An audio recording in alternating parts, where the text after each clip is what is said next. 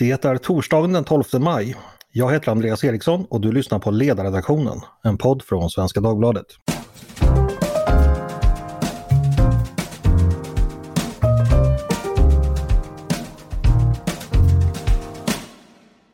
Och den 12 maj 2022 kommer också framledes vara ett datum för historieböckerna.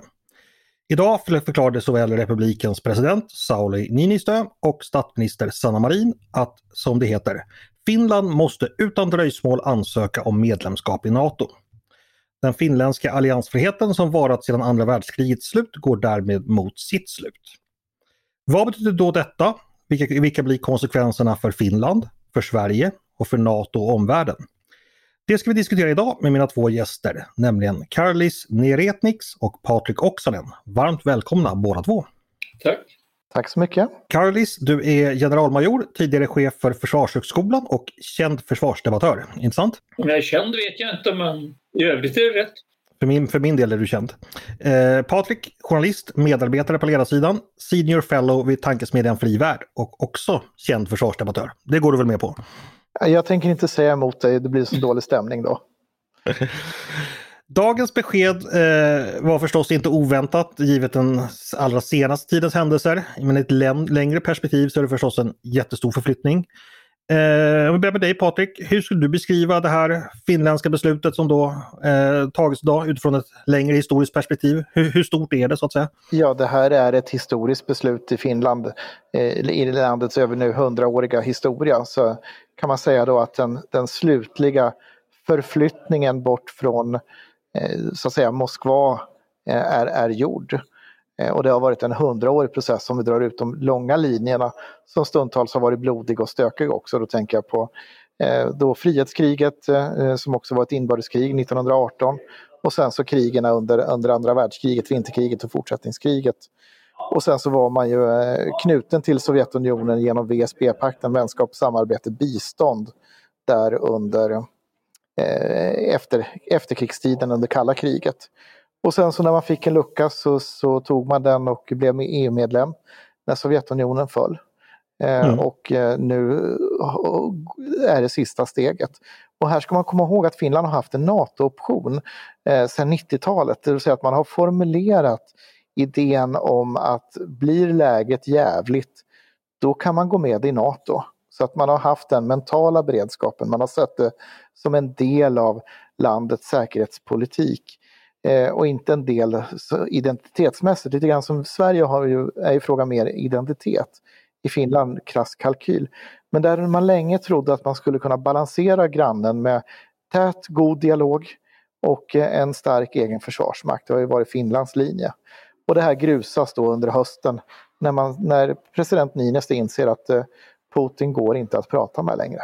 Nej, just det. Och det ska ju sägas det här att skillnaden mellan Sverige och Finland ska ju då understrykas. För Finland var ju då efter, på grund av fredsavtalen efter andra världskriget mer eller mindre tvingade att förhålla sig eh, alliansfria fast då även knutet till Sovjet via den här pakten. Sverige valde ju av andra orsaker sin väg. Ja, bland annat av Finlands skäl för att eh, se till att Finland inte blev indraget för djupt in i, i sovjetiskt inflytande så, så valde ju Sverige då att stå utanför det då nybildade NATO 1949 eh, för att vara liksom då en, en ankringsplats för Finland. Mm. Budskapet eh, från presidenten och statsministern idag, eh, när jag läser det tänker jag att det, det, det, det används vissa ord som tyder på viss brådska, en viss sense of urgency. Vad tror du det beror på Patrik? Upplever man omedelbara hot i, i närtid? Jag tror inte att man upplever omedelbara existentiella hot Eh, på det sättet. Däremot så förstår man att man är i en väldigt farlig situation i, i världen. Det finns en tillfälle nu att göra det här eh, medan eh, Sovjet, eller Sovjetresten, eller på att säga, Ryssland är uppbundet i, i Ukraina och man har det här möjlighetsfönstret att, att agera. Samtidigt som att alla de här indikatorer som Finland hade satt upp tidigare som, som gjorde då att man, man inte tidigare aktiverade NATO-optionen, de har ju liksom lyst röd, röd lampa hela vägen. Eh, mm. och då finns det ju ingen anledning att dra ut på det utan då agerar man snabbt. I Finland så är det ingen, alltså man, man, historiskt så är man van att kunna ta ödesmättade snabba beslut för landets bästa. Mm. Eh, Carlis, hur eh, väntat eller oväntat var dagens besked från Finland för dig? I närtid, de senaste månaderna om jag säger så, så är det inte oväntat. För eh, jag eh, tror nog att en omslagspunkt på något vis när det gäller snabbheten i den finska processen, det var nog eh, Putins utspel den 17 december där han menade att Rysslands närmaste grannländer inte skulle ja, de skulle inte få bestämma över sin egen säkerhet, säkerhetspolitik. Det skulle hela tiden anpassas till ryska önskemål. Det tror jag var, ska vi kalla det för, den stora omslagspunkten.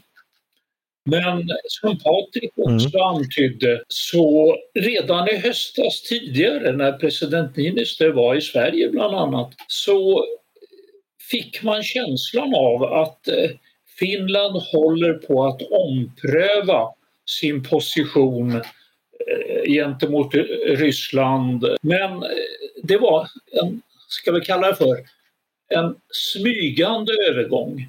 Och sen kom den utlösande faktorn, Putins utspel strax före jul. Och angreppet på Ukraina nu 24 februari påskyndade än mer en process som redan gick väldigt fort. Kalla det för en mm. smygande process under ett år, snabbades på före jul och som blev akut nu i februari. Nej, men eh, jag tycker det är signifikant det här talet som president Niinistö höll i samband då med Kungliga krigsvetenskapsakademins högtidssammankomst i höstas. Det var en förkyld president, eh, inte covid, underströk han då när han, han talade, eh, som, som höll det här talet och la upp linjerna om en, en oroligare värld och en ny tid. Det andra som var signifikant det var i presidentens nyårsdagstal eh, då, då han använde ett väldigt starkt språkbruk Eh, han sa att det var oacceptabelt med ukaser från, från Moskva då. Ukaser då i, i finsk kontext är ju är ett starkt ord. Ukaser är ju då ett påbud från tsaren. Eh, och det blev en väldigt stark markering i den, den finländska debatten. Och därefter så tog då NATO-debatten fart. Och då ska man komma ihåg att de första som började röra på sig och förändra position, det var Miljöpartiet i Finland, de gröna. Eh, och eh, där var företrädare som gick ut och sa att man var för NATO, att man hade lämnat tveksamhet eller att man då hade gått över från att vara en motståndare till att nu vara liksom mer tveksamma och funderande. Så, så att det öppnade debatten och, och då ska man också komma ihåg att eh, då president Sauli Niinistö som tillhör då, eh, det finska samlingspartiet Moderaterna då, han har en brorson som heter eh, Ville Niinistö som tidigare har varit språkrör eh, för de gröna i Finland och Europaparlamentariker. Eh, Maria Wetterstrands ex för svenska lyssnare. Eh, mm. Så att eh, man, man, ser liksom den rörelsen i, i, den finländska debatten och sen så skjuter det ju då full fart den 24 februari när Ryssland gör sitt förnyade angrepp. Eh, om jag går till dig Carlis, Patrik har varit inne på det men den finländska 1900-talserfarenheten med, med flera krig mot mot eh, Sovjetunionen och att man har så att säga levt i Sovjetunionens eh, skugga. Vilken roll tror du det, hela den erfarenheten har spelat för, svensk, eh, för, för finländsk eh, NATO-diskussionen idag, skulle du säga? Ganska stor roll. Jag tror att man i Finland är, för det första begriper man eller förstår man, med, eh, har en större förståelse för att förändrade omvärldsomständigheter kan också behöva leda till kraftfulla eller radikala förändringar i politiken. Man har upplevt det man eh, 1917 frigjorde man sig från dåvarande Ryssland. 1944 så bröt man en, kallar det för överenskommelse, allians med Tyskland, vände 180 grader, slöt separatfred med Ryssland eller Sovjetunionen på den tiden och drev ut tyskarna ur Finland som då var i norra Finland. Så att det finns kanske någon sorts mental historisk beredskap att man förstår att radikala omvärldsförändringar kräver också radikalt nytänkande.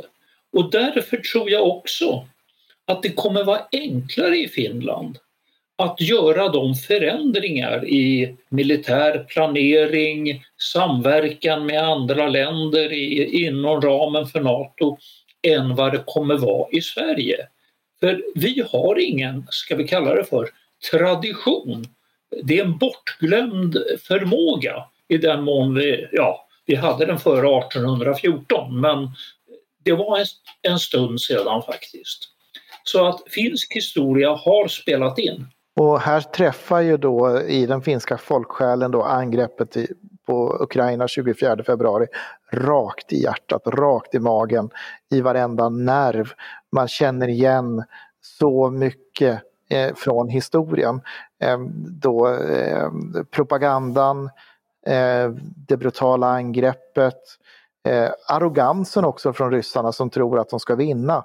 Eh, här trodde man ju att man skulle kunna ta Kiev på några dagar.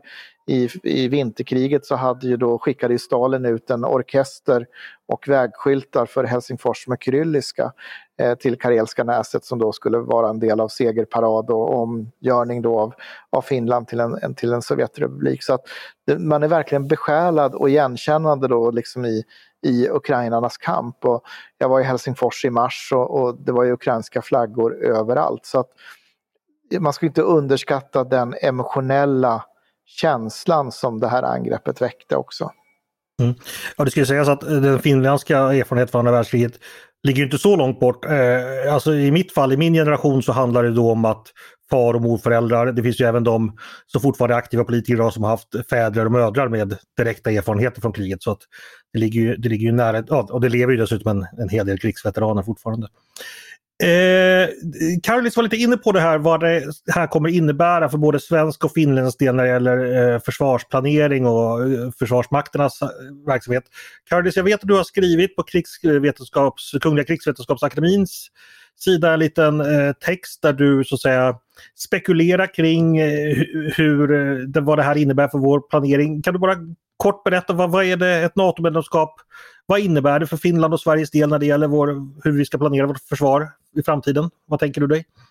Ja, det första och den grundläggande skillnaden är ju att vårt tänkande måste eh, gå från ett tämligen nationellt säkerhetsperspektiv, hur vi försvarar vårt eget land, till ett perspektiv där vi inser att vi är en del av en större gemenskap som gemensamt ska skapa fred, stabilitet och säkerhet.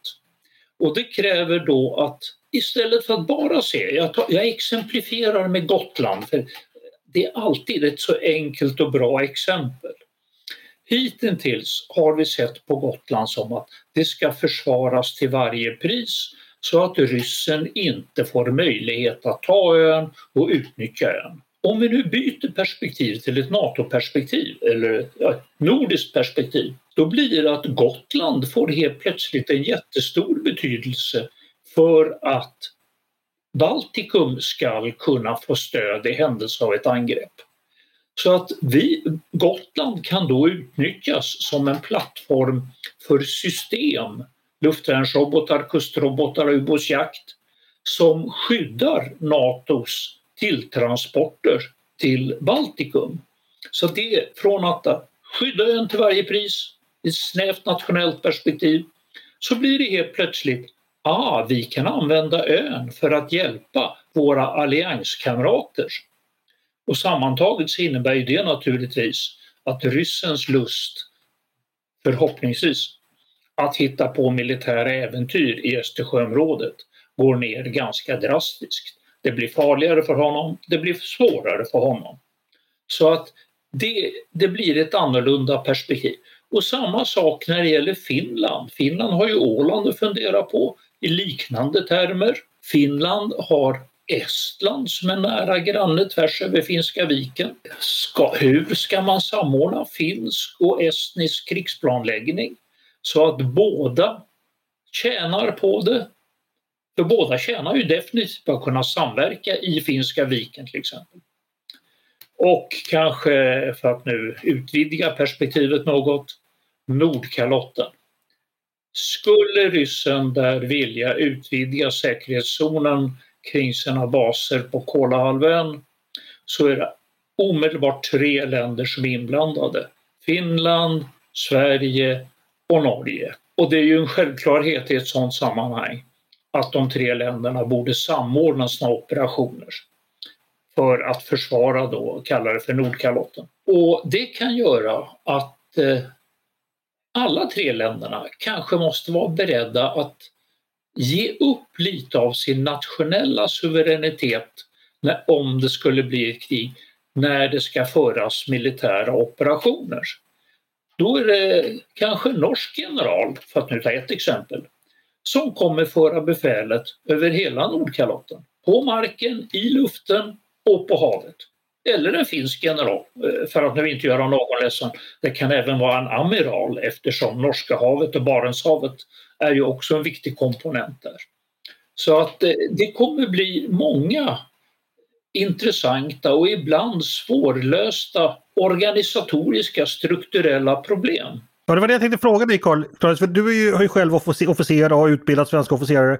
Att innebär det här måste ju innebära ett väldigt stort steg i, rent psykologiskt i tanken för svenska, för svenska officerare och för svensk försvarsmakten generellt att helt plötsligt inlämna sig i någonting större. Hur, hur stort steg skulle du säga att det är? Ja, lite mindre än vad vi tror.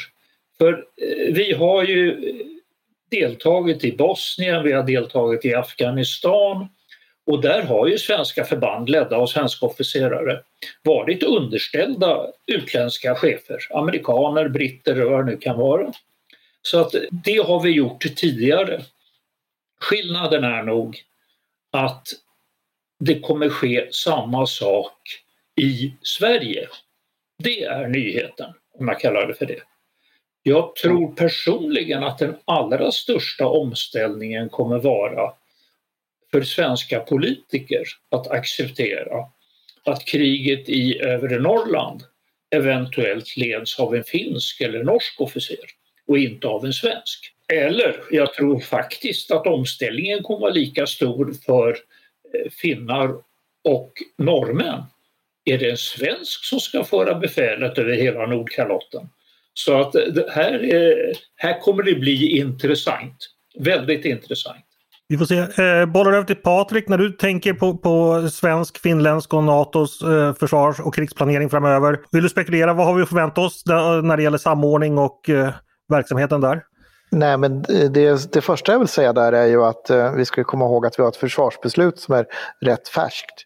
Det är ju en hel del idé som bygger på en annan verklighet eh, om Sverige nu går med i NATO tillsammans med Finland. Så att det kommer ju behövas ett rejält omtag i, i tänk, i, i systemtänk, i helhetstänk, precis som Kallis är inne i. Sen, sen eh, vill jag peka på några snabba saker. Och det är, dels så är det ju som så att Sverige och Finland står ju varandra väldigt nära och djupt redan och man har en, ett arbete att kunna agera bortanför fredstid redan idag. Det tror jag att man kan ta med sig in i NATO Eh, på, på ett snabbt och effektivt sätt. Eh, att, att jobba med, med, med sådana lösningar som, som Kallis är inne på då med, med eh, gemensamma förband som, som leds av, av, en officer från en det ena en det andra landet. Sen ska vi komma ihåg att det här har ju också en stor betydelse i luftrummet för att när vi lägger ihop det svenska flygvapnet med det finska flygvapnet och det norska flygvapnet så skapar vi ju då en, en väldigt slagkraftig förmåga med ett helt annat operationsdjup som vi tillsammans kan utöva än vad eh, vi kan göra var och en nationellt. Det kan handla om att norska flygvapnet kan frambasera eller att finska flygvapnet bakåtbaserar beroende på läge och så. Eh, och sen den eh, ytterligare biten som jag tror kommer att ha betydelse är på den marina sidan där eh, vi kan se en helt annan planering för att eh, kunna hålla våra sjöfartsleder öppna tillsammans med andra NATO-länder där vi kan gå mycket djupare och snabbare. Jag ser framför mig att eh, vi, vi, eh, kommer att ha en mycket högre grad av integration där. Det som kanske den del som minst blir påverkad i svenska försvaret är väl hemvärnet. Eh, armén så behöver vi fundera på i vilken form deltar vi i, i försvaret av Baltikum. Eh, som, eh, har vi en bataljon på plats i Baltikum roterande eh, eller inte? Eh, och vilka svenska truppstyrkor ska kunna hjälpa till i försvaret av Baltikum? Det blir ju en del av, av Sverige så att säga hemläxa i, i NATO. Mm. En fråga till, till Carlis där. Eh, tidigare har ju Sverige som ensam varit tvungna att upprätthålla en rad olika förmågor. Vi har varit tvungna, eller ansågs vara tvungna att vi ska ha ett ubåtsvapen, vi ska försvara våra kuster, vi ska hålla våra sjövägar öppna om man tar den marina sidan och så vidare. Kan det bli aktuellt att Sverige helt enkelt eh, kanske väljer bort vissa förmågor nu framöver och prioriterar andra som vi är bra på så att säga? Att vi använder andras förmågor för, för det vi kanske avstår ifrån. Kan man tänka sig en sån utveckling? Ja, det kan man säkert. Eh, om man ska knyta an till det Patrik lyfte fram på flygsidan. Nu kommer vi ha två toppmoderna och mycket bra system i Norden, det vill säga JAS-systemet och F35-systemet. Och där tycker jag nog att det finns alla skäl för de tre nordiska fyra. Det danska flygvapnet ska vi heller inte glömma bort. Att undersöka eller titta över hur ser beväpningsalternativen ut för flygplanen? Är något, någon av flygplanen eh, mera lämpat för attackuppdrag och bör då utrustas med sådana vapen? Är något av flygplanen, ska vi säga lite vassare när det gäller luftförsvar? Och bör man prioritera den typen av vapen till det flygsystemet? Det där eh, finns det alla skäl att titta riktigt noga på. Det andra de marina förmågorna. Sverige är det stora landet i Östersjön, eller vid Östersjön. Längs eh, den största strandägaren. Vi har de klart bästa baseringsmöjligheterna. Vi har ett ganska stort ansvar för att förbindelserna till Finland hålls öppna. Jag nämnde Gotland tidigare. Kanske vi ska ta på oss ett stort ansvar för att sjöförbindelserna till Baltikum hålls öppna. Och det skulle tala för att kanske Sverige är det land som tar på sig den största rollen när det gäller marin verksamhet i Östersjön. För det skulle, och då tittar vi i ett större perspektiv, vi överger det nationella perspektivet och tittar i ett alliansperspektiv istället. För om vi tar på oss den rollen, då skulle Polen och de baltiska staterna kunna prioritera de, den typ av stridskrafter som är viktigast för dem. Och det är markstridskrafter. Så att eh, när man talar om att prioritera, eh, då ska vi nu titta på hur man prioriterar eller arbetsfördelar mellan olika länder. Och det här leder ju också till tanken som jag faktiskt har presenterat i den här artikeln på eh, akademins hemsida. Tyskland kanske skulle med sina ekonomiska resurser fundera på om man inte skulle ta på sig en stor roll i Nordsjön tillsammans med Norge, kanske Storbritannien och Danmark och att Tyskland och Norge, kanske det främsta eh, partnern i det fallet, är de som får huvudansvaret för att hålla transportlederna till Skandinavien öppna. För Norge, Finland, Sverige är helt beroende av att sjötransporterna till västkusten fungerar och inte avbryts. Lite kommer de självfallet alltid påverkas, men att de fortfarande fungerar i viss utsträckning. Så här finns det väldigt mycket att fundera på. Arbetsfördelning mellan länder, eh, kanske leder till omprioriteringar inom Sverige, inom Polen, vad det nu kan vara. Och det är väl därför jag, precis som Patrik, tycker att försvarsberedningen bör snarast sammankallas, efter valet då rimligtvis, för att börja fundera på ett nytt sätt att tänka hur vi ska utveckla Försvarsmakten. Hur eh, tänker ni att, eh, ja, sagt, Sverige och Finland har ju inte lämnat in sina ansökningar än men allting tyder på detta. Eh, Patrik, hur påverkar det eh, Rysslands läge att Östersjön i det närmaste blir ett NATO-innanhav, att Östersjöutloppet blir och Finska viken blir NATO-vatten bland annat? Ja, vi ska ju komma ihåg att det här blir ju då Putins största strategiska motgång eh, som han har råkat ut för. Eh, Rysslands situation sett ur ett ryskt nationalistiskt perspektiv är ju att då är man ju tillbaka nästan i ett lika dåligt läge som man hade under mellankrigstiden det vill säga efter att eh, Estland, Lettland, Litauen, Polen och Finland bildades efter första världskriget. Då man hade en smal utlöpa då vid, vid Finska viken i Östersjön. Eh, nu har man ju eh, då Kaliningrad också, men Kaliningrad är ju isolerat. Här kan man ju tänka sig att vikten av att knyta Belarus till sig blir ännu viktigare för Putin att eh, eh kanske eh, då mer eller mindre göra de facto eller göra, göra så att säga, ta det på, även i, på pappret, den Anschluss, den, den, den kontroll som Ryssland har skaffat sig över Belarus med, med eh, en tyngdpunkt på, på förband i, i nära Suvalki-korridoren. Eh, sen tittar vi längre i historiskt perspektiv, ja men då får vi gå tillbaka till 1700-talet och Peter den store då som 1703 grundade Sankt Petersburg. Ja, vi är tillbaka liksom på den tiden eh, för att när, när Ryssland hade så lite kust i Östersjön. Så att det här är ett stort bakslag. Eh, Carlis, vill du säga någonting om hur Ryssland påverkas av ett eh, ja, eventuellt svenskt, eh, finskt NATO-medlemskap? Jag tror inte man ska titta på det som påverkas av svenskt och finskt NATO-medlemskap utan snarare så skulle jag vilja se det som hur påverkas Ryssland utav det Putin har ställt till med? Med ett krig i Ukraina som går eh, påfallande dåligt för Ryssland. Det har eh, fått Sverige och Finland att gå med i Nato. Det har fått Europa att samla sig på ett sätt som ja, är ganska unikt. Det har vi inte sett sedan muren föll.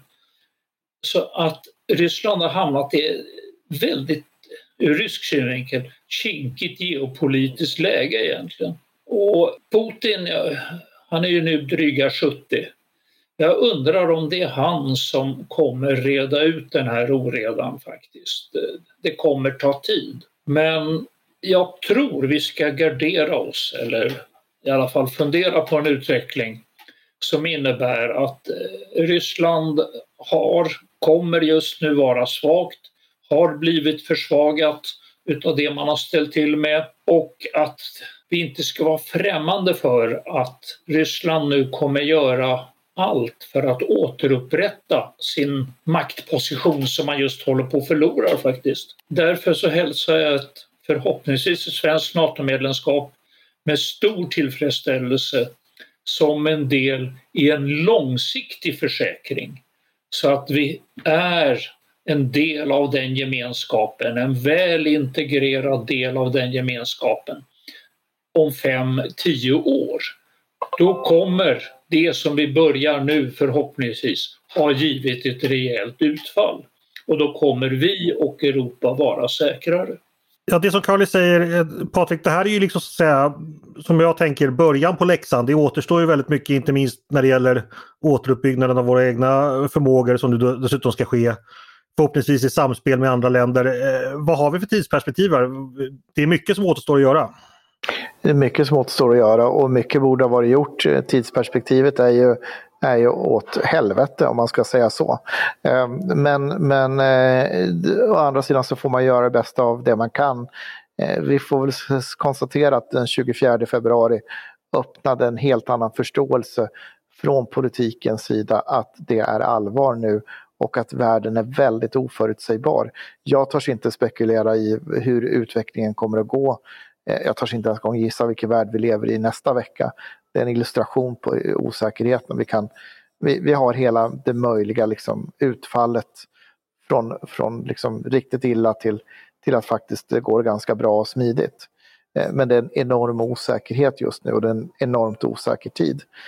Så att de här sakerna måste göras nu snabbt, skyndsamt och inte tänka på att vi har massa tid på oss, för, för det har vi inte. För för vi vet inte hur morgondagen ser ut. Mm. Väldigt osäkert läge alltså. Eh, vi på ledarredaktionen kommer naturligtvis fortsätta bevaka detta eh, så noggrant och nära i tid det bara går.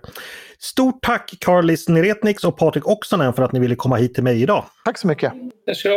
Och tack till er som har lyssnat också på Ledarredaktionen, en podd från Svenska Dagbladet. Ni är varmt välkomna att höra av er till oss på redaktionen med tankar och synpunkter på det vi har precis diskuterat. Eller om ni har idéer eller förslag på saker vi ska ta upp i framtiden. Maila då bara oss på ledarsidan svd.se. Dagens producent, han heter som vanligt Jesper Sandström. Jag heter som vanligt Andreas Eriksson och jag hoppas att vi hörs igen snart.